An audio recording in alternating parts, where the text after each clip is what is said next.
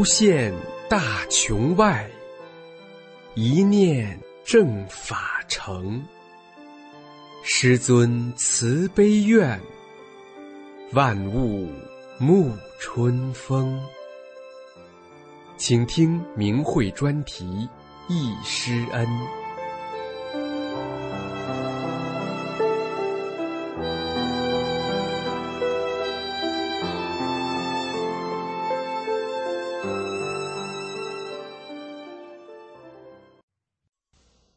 请听明慧忆师恩专题文章，庆祝五一三，师恩难忘。作者：大陆大法弟子。文章发表于明慧网，二零一四年五月二十号。五一三这个神圣的日子到了，每年的此时此刻，我都会情不自禁的回想起二十一年前的那个初春季节。春寒料峭，但是春天已经迈着缓缓的脚步，一天一天的走来。教学楼前的草坪上萌出了绿意，迎春花也悄悄地吐出了它的花蕊。那时我正在北京读研究生，但是却没有心情欣赏和感受寒冬后的春意。我正为自己所罹患的疾病所困扰，风湿性关节炎使我痛苦不堪，只能靠吃药缓解那种犹如一根带着无数毛刺的木棒钉入关节中的那种痛。胃病引发的前腹后背的胀痛，尤其是那不知什么时候就会突然发作的心脏间歇，更让我陷入一种莫名的恐惧之中，因为说不定哪一天就会撒手人寰。所以，绝大多数的时间里，我会静静的待在宿舍中，倾听窗外的喧嚣。身处困境的我，经常陷入一种对生命本质的终极思考中：我从哪里来？为什么我只能出生在中国最偏僻的边陲地区？为什么我从小就要经受那么多的磨难？人生一世，死后的生命有意义吗？他去了哪里？利用养病的时间，我找到所有能够找到的佛道两家的经书，希望从中找到困扰自己的答案。但是遗憾的是，除了知道了一些佛道故事外，并没有帮助我解开我的那些疑惑。有病乱投医，无奈之下，自己也按照那些乱七八糟的气功书和气功杂志的说法和示意图练了几种气功，结果除了把自己的身心搞得更坏外，什么也没有得到。在我几乎陷入极度的绝望之时，一九九三年二月的一天，我找到了一九九二年底参加东方健康博览会时收集的那些大大小小各种气功简介。希望从中寻找一种简单而又有效的功法试试看。翻来翻去，找到了印在一张薄纸上的法轮功简介。读完，感到这功法最符合我当时的需要：一是练功不会出现偏差；二是人不练功，法练人。于是，抱着让法轮功治疗一下的希望，按照简介提供的联系方式打了一个电话。对方告诉我说，当天。一九九三年二月二十三日，就有一个法轮功教工班在北京台机场礼堂开班，于是约定好见面时间。原来这位是北京法轮功辅导站的负责人，他用自己的面包车带着我到了台机场礼堂，这让我有幸参加了终生难忘的师傅在北京的亲自传法传功的法轮功的学习班。就在那个平平常常。略显陈旧的礼堂里，我第一次聆听了法轮功师傅传功讲法。舞台上放着一张学生用的旧课桌，一把极为普通甚至有点破旧的座椅，一瓶矿泉水放在麦克风的旁边，一幅绣着“佛法无边，法轮常转”八个竖写大字和“玄法至极”四个红底金字的长方形布横幅，面向学员垂在桌子的前边。讲法时间一到，师傅就走上讲台，坐在小课桌旁边的椅子上，顺手拿出一张小小的卡片，开始给大家讲法。和我一样，来参加学习班的绝大多数都是一些身体患有疑难杂症的人，好多人为了治病也练过这样那样的气功，当然也有一些身体没有任何疾病的年轻人。在礼堂的二楼和我坐在一起的是一个二十岁的小伙子，是位正在学中医的大学生。他告诉我，一个人的健康长寿主要取决于肾脏。在现在所有传世的功法中，只有法轮功是补肾养肾的。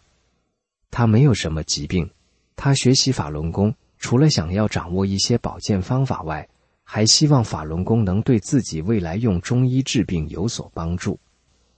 师傅在讲到什么是气功时，让在场的学员感受了一下法轮的旋转。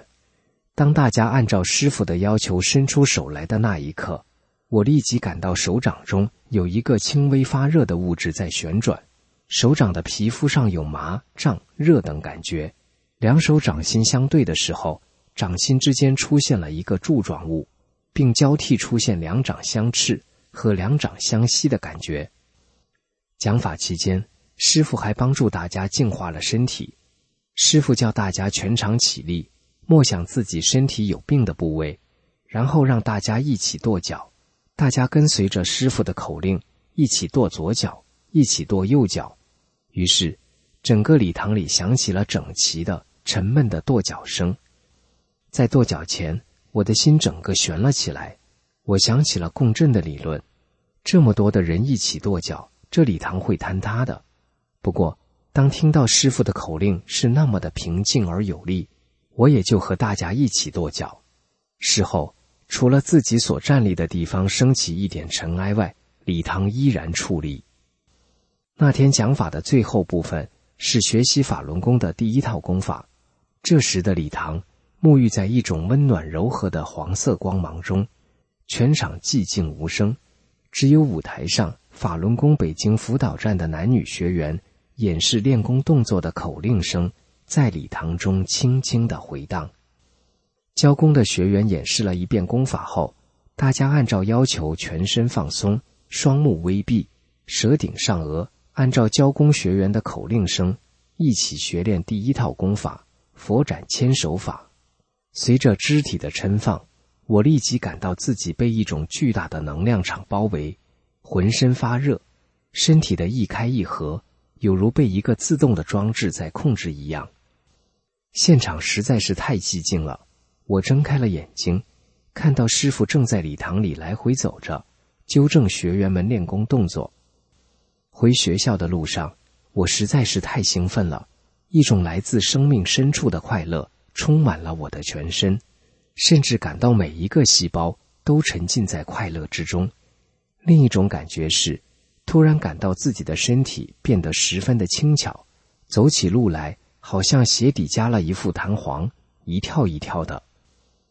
二月底，空旷的街道上还略显寒冷，一零三路电车和三三二路汽车的车厢中空荡荡的。我不仅不再感到不安，反而有了一种真实的亲切感。曾经日夜笼罩在我心头的死亡恐惧。像一件旧毛衣被拆掉一样，不知不觉消失的无影无踪。在师傅讲法教功的短短十天里，我按照师傅讲的修炼心性、做好人的标准审视自己的过去，我的所思所想所为，发现虽然觉得自己还是一个好人，个人的道德水准也似乎比别人好一点，但是自己走的路实际上是一条危险下滑的路。师傅的法解开了我生命中许多无法解开的死结，明白了自己经受的一切都是自己过去生生世世的因果造成的。我开始按照师傅讲的法严格要求自己，按照真善忍的标准要求自己，事事处处考虑别人。我戒除了吸烟、酗酒的恶习，也摆脱了因少年时家庭受政治迫害而生出的愤世嫉俗之心。就这样，我走入了法轮功修炼中。十天的学习班结束后，我发现曾经困扰我的关节疼痛和心脏早搏、间歇等病不知不觉消失了。每天晚上十点钟，我就会离开宿舍，在教学楼前找一处寂静无人的地方，按照法轮功前四套功法的顺序练功。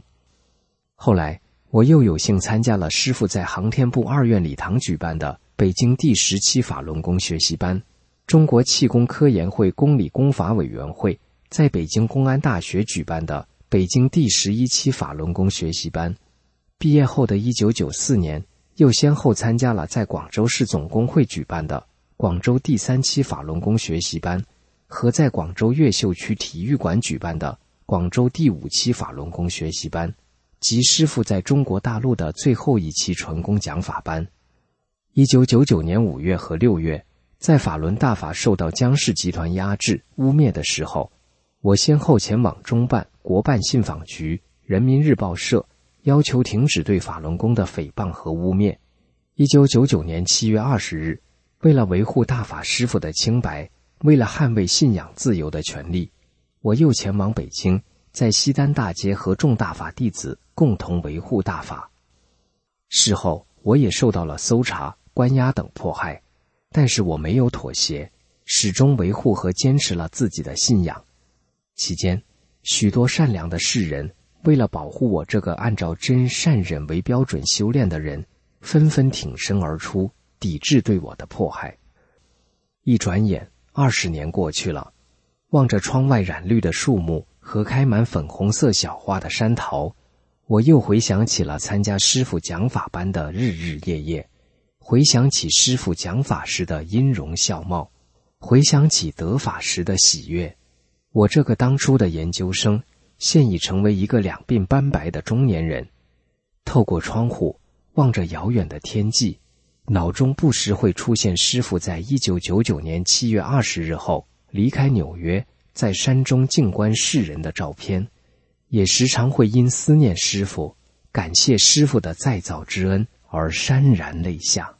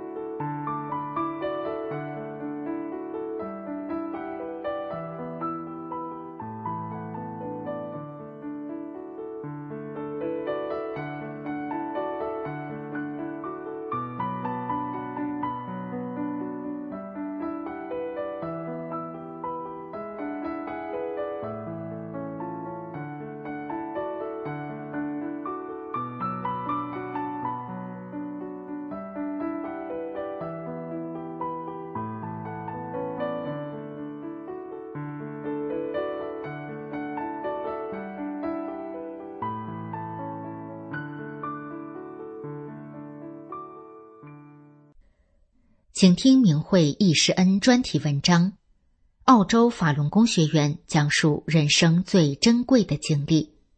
明慧墨尔本记者站报道，文章发表于明慧网，二零二一年七月二十四日。师傅从讲台上下来，走到我们前面，就这样，师傅让我们把眼睛闭上，喊一二三，我们就跺右脚。我看见眼前黑黑的一团东西，一瞬间就没了。从那天开始，我就感觉身体就像没有了似的，整个人都轻飘飘的。这是澳洲的法轮功学员李凡女士回忆二十七年前参加法轮功创始人李洪志先生面授班时的情景。一九九四年八月五号至十二号。李洪志先生在哈尔滨八区体育中心冰球馆举行了八天讲法传功班。李凡说：“有幸能得到师傅的亲自传法救度，简直太荣幸了。师傅不但给我们净化心灵，还给我们净化身体，这是一生中最幸福、最珍贵的经历。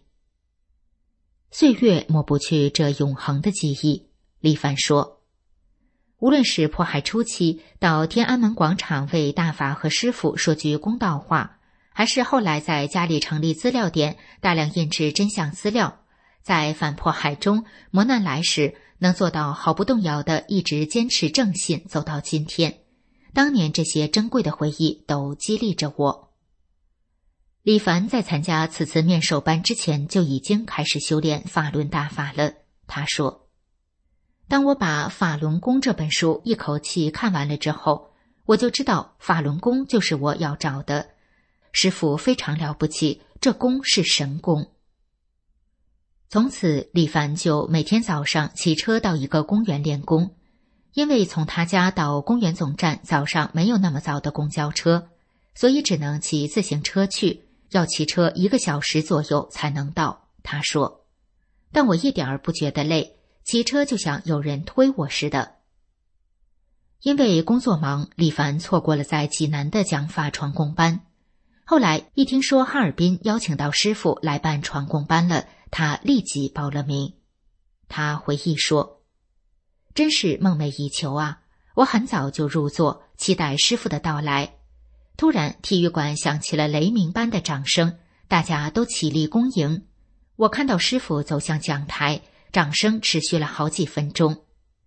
我当时坐在冰球馆的第八排，离师傅比较近。八月份哈尔滨比较热，师傅穿着白衬衫，很高大。”祥和慈悲的面容让人肃然起敬，我内心很激动，也感到很幸福。师傅开始讲课，我的眼泪也开始忍不住的流。李凡说：“那时不知道为什么会这样，就是不停的流泪。”他说：“其实我平时是个不会轻易流泪的人，后来知道这是从宫中反映出来的状态，是练功人的慈悲心出来了。”师傅讲课没有稿子，用最通俗的语言阐述着高深的大法，学员们都被深深的吸引和震撼。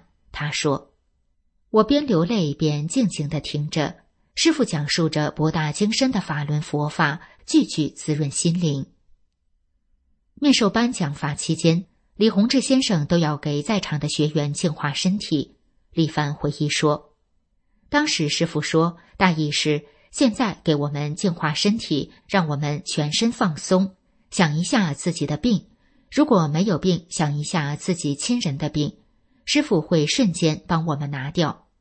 因为会场有五千人左右，师傅叫大家一部分一部分站起来。师傅从讲台上下来，走到我们前面，就这样，师傅让我们把眼睛闭上，喊一二三，我们就跺右脚。跺完右脚，又跺左脚，用力一跺，我看见眼前黑黑的一团东西，一瞬间就没了。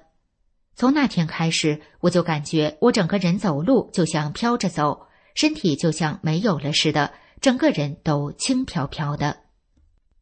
除此之外，李凡还看到更神奇殊胜的景象。他说：“我看到在师傅给学员转法轮时。”七彩的彩带把学员都带到了半空中。讲开天幕时，我眼前就出现了电视柜，满会场到处都是小电视机的荧光屏。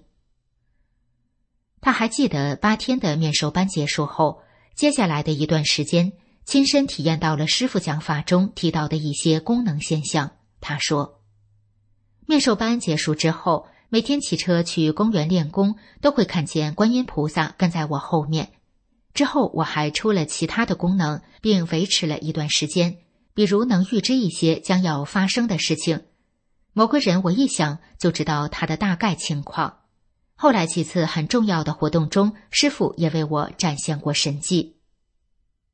面授班上，每天师傅讲完课，师傅带来的学员在会场中间教功，师傅都会围着会场在学员中走动观看。立凡回忆说。我看到的是一个如此平易近人的师傅，师傅高大伟岸的身影，慈悲的笑容也一直铭刻在心。现场的学员们来自全国各地，在师傅慈悲祥和的强大能量场中，大家都互相谦让，气氛是那样的纯洁美好。李凡最后表示，能有缘参加师傅的面授班，真是三生有幸啊！在学习班上。师傅告诉我们，大法来之不易，修炼就是要劳其筋骨，苦其心志，鼓励学员们在修炼路上要像雄狮一样勇猛精进。这几句话我一直都记着，成为自己精进实修的强大动力。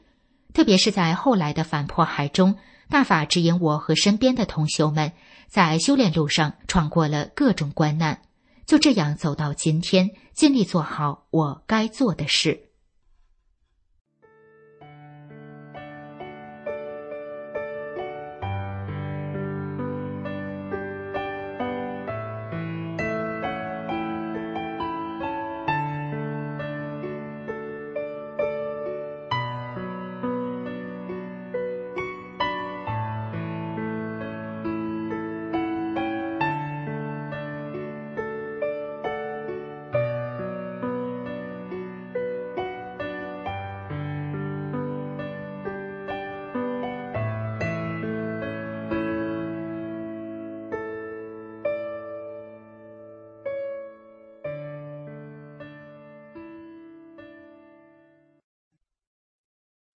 请听明慧易师恩专题文章，题目是《写在新加坡佛学会成立二十五周年》，作者新加坡大法弟子。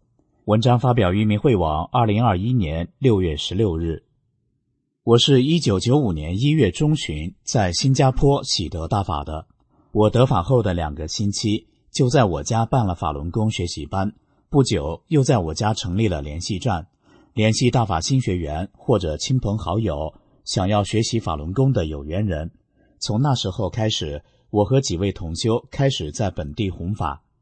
十月中旬，为了将来法轮大法在本地的弘扬，我们开始筹备佛学会。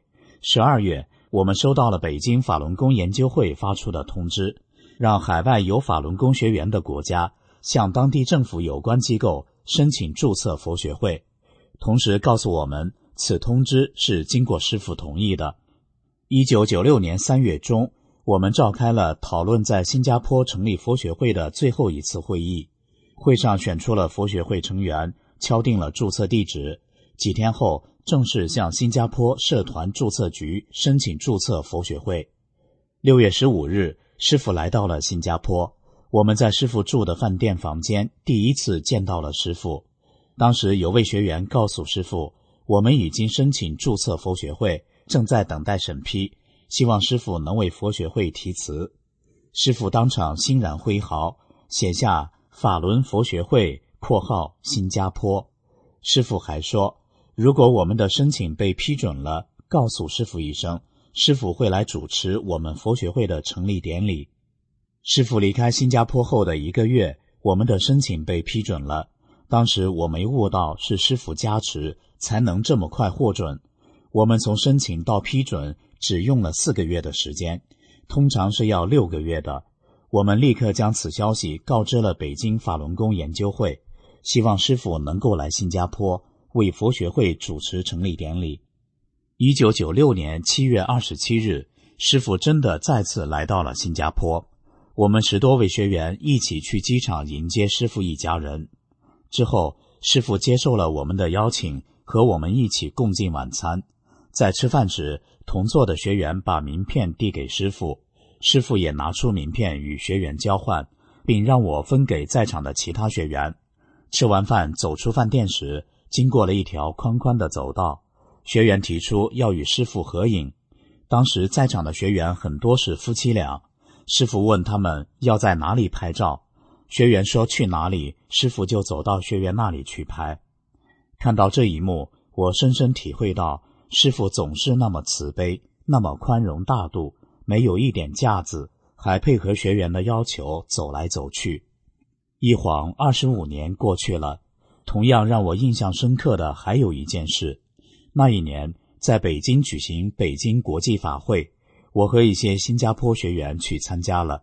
当时我的修炼状态不是很好，那时我们也没有学法，只是练功而已。在法会期间，法会的负责人安排我们到北京当地的学员家交流。这次的交流让我们一下看到了我们在修炼上的巨大差距。听着中国同修谈的修炼心得体会，我们却好像没想过我们修炼中有什么体会。更不懂要怎么谈体会，差距实在太大了。法会的最后一天，师傅要来讲法了。大门一打开，全场正在吃晚餐的几百位学员立刻全体起立，热烈鼓掌欢迎师傅。没有指令，没有口号，整齐程度令当时在上菜的服务生们震惊。用餐后，全体学员非常迅速有序地把桌子移开。排好椅子，恭候师傅讲法。大法弟子齐心协力，共同配合的场面令我非常震撼。师傅讲法时，新加坡学员坐在最前排，近距离聆听。讲完法后，师傅便走过来跟新加坡学员握手。当我看到师傅走过来的时候，当时心里好像还怕师傅走过来，因为我感到很羞愧，我修得很不精进。可是师傅的手已经伸出来了，我赶快站起来跟师傅握手。在握手的刹那间，我的头部感到一种震动，那种感觉不知道怎么形容。我很激动，我知道师傅为我调整了身体。回到新加坡后，我跪在师傅的法相面前说：“师傅，在北京的所见所闻让我感到了差距，我会精进努力的实修。”于是我开始抄转法轮。一个月后，另一位一同去北京参加国际法会的学员与我交流组织学员学法的事。此后，本地学员开始了集体学法。一九九八年，新加坡佛学会成立两周年了。原本计划在七月底举办东南亚法会，为了配合师傅的时间，改在八月二十二日、二十三日举办。海外其他国家的学员知道师傅要来新加坡后，一下子来自海外十多个国家的近两千名学员也报名参加。结果，东南亚法会变成了国际法会。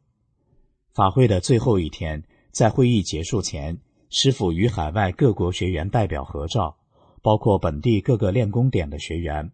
在合影时，师傅看学员一眼，就告诉该学员：“你要回去多练功。”你要多学法，这是事后学员自己讲的。磕磕碰碰，新加坡佛学会走过了从个人修炼时期到正法修炼二十五个春秋。在新加坡佛学会成立二十五周年之际，弟子怀着无限的感恩，叩谢慈悲伟大的师父时时刻刻看护着弟子，感恩师尊赋予的一切。我会尽全力做好自己该做的。也希望我们新加坡同修都能精进起来，珍惜正法结束前所剩不多的时间，走好走正师傅为我们安排的修炼之路。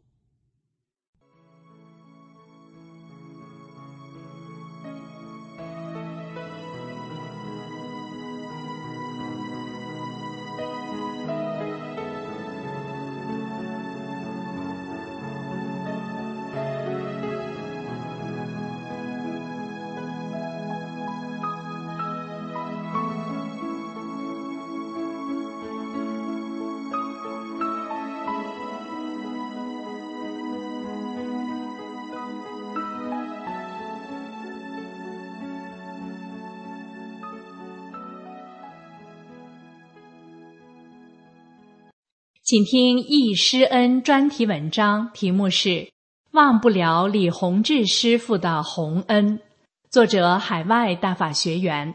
文章发表于明慧网，二零零九年八月十四日。在一九九四年一月六日至十五日，我有幸参加了李洪志师傅在广州讲法的第三期法轮功学习班。从来没有听过气功讲法的我。觉得师尊讲法真的令人耳目一新，越听越爱听。心里还想，师尊那么年轻，怎么看着一张很小的纸，却可以源源不断的讲出令人折服深奥的法理，让我觉得真是不可思议。当师尊讲到开天目的时候，我真的感受到我两眉之间的肉在往里边顶，往里钻。当师傅讲到给我们清理病业时，正如转法轮里讲的：“老师啊，我从学习班听完课回家，一路上尽找厕所，一直找到家，因为内脏都得净化。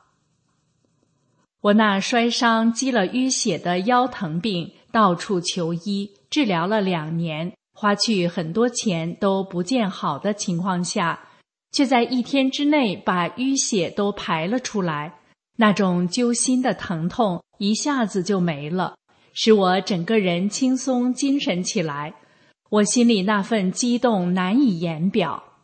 当师尊讲到给我们下法轮时，我那天午休在床上，马上感到浑身大大小小七彩的法轮在快速旋转，自身意识很清醒。我在大喊大叫了一阵子，才睁开了眼睛，心里在嘀咕：“真够神的。”课间休息了，我在室外遇到了师尊。我的一个朋友说：“老师，我可以和您握握手吗？”师尊说：“可以。”我也赶紧过去和师尊握握手。啊，师尊的手握起来那么温暖。那一刻的情景终身难忘。师尊还亲自来到学员中教功，纠正动作。师尊没有任何架子，那种与众不同的气质，难以用任何恰当的词来形容。听了法轮功八天课，收获太大了。我怀着激动的心情告诉了家里人，希望他们都能参加下一期的班。那时刚好我那四岁的外甥。从小得了严重的哮喘病，正在住院治疗。我家人看到我变化那么大，就于一九九四年七月带上小外甥去参加广州第四期学习班。在课间小休时，我们来到师尊跟前。我说：“李老师，我外甥得了严重的哮喘病，还在住院治疗的情况下，带他来参加学习班。”可以吗？师尊马上说可以，没事的。不信你们回去检查看看。边说边举起右掌对着我外甥。当时我外甥立即就不气喘了，精神了很多。晚上回到医院，刚好主治医师来检查。检查完我外甥病情后，脸上挂满疑惑地说：“啊，怎么回事？”昨天还很严重的病情，今天怎么一下子全好了？这样他明天就可以出院了。至今我外甥那病再没复发，真是不由得你不信大法的威力。到了一九九四年十二月，我又继续参加了广州第五期的学习班。经过第三期班的学习，不但我严重的腰伤病好了。平常老爱拉肚子的毛病、鼻窦炎、咽喉炎等等一切病状都消失了，真是走路都一身轻。同时，对做人的道理和对这个世界很困惑的事情都一一明白了许多。正如《转法轮》里讲的：“我们一上来就要百脉全开。”到今天为止。我们百分之八九十的人现在都达到一身轻的状态，没有病。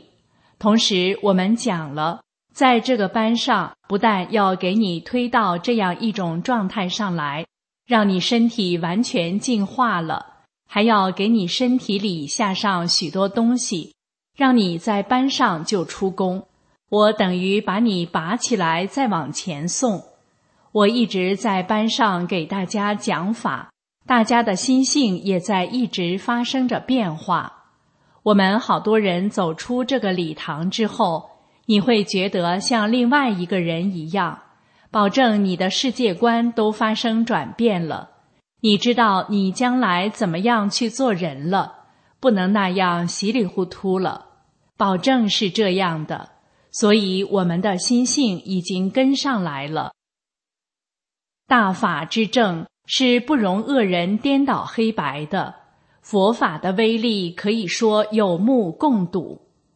每当回顾听师尊讲法的日子，我都深感愧对师尊给我的一切，深感在正法的路上仍然不够精进。我以后要努力赶上正法的步伐，做好三件事。不负这万古机缘与师尊的期望。